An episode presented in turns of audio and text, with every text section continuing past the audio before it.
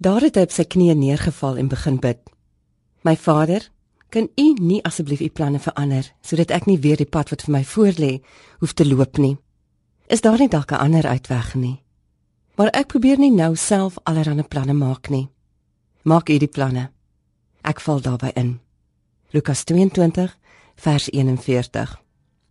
Met sy drie gebede tussen die olyfbome van Getsemane, die aand voor sy inhegtenisneming, was Jesus 33 jaar oud. Wie wil op 33 sterf? Jy is in die jong mens vleur van jou lewe. Enige een van ons sal 'n stryd daarmee hê. Jesus was so ernstig om ongesteurd tot sy Vader te bid dat hy juis hierdie stil plek van rus gekies het. Daarvoor laat hy ook die disippels by die hek agter en neem net vir Petrus, Johannes en Jakobus in die boord in. Hy laat hulle ook eenkant agter om alleen te gaan worstel. As Anef tot sy gebed sê hy: "Abba Vader." Dit dui op sy diep nabye verhouding met die Vader. Dis 'n vertrouensnaam. En omdat die Vader die aand getrou naby aan hom was, kon hy begin aanvaar wat oor sy pad sou kom.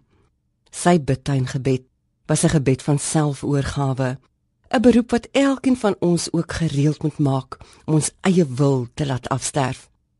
Waar is jou Getsemane? Jou bidtuin voor 'n swaar kry wat jy dalk verwag of reeds ervaar.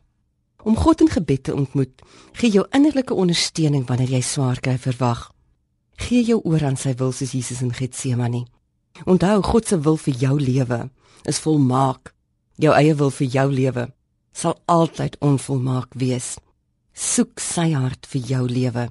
Maak jou bidtuin ook 'n rusplek van aanvaarding. Kom ons maak die oë toe. Vader, ek het Jesus so lief.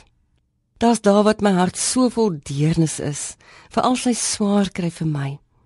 As ek net dink aan die Getsemane gebed, word my gemoed vol. Dankie dat U seun vir ons gelei het en ons sonde op sy skouers geneem het. Dankie vir Jesus. Amen.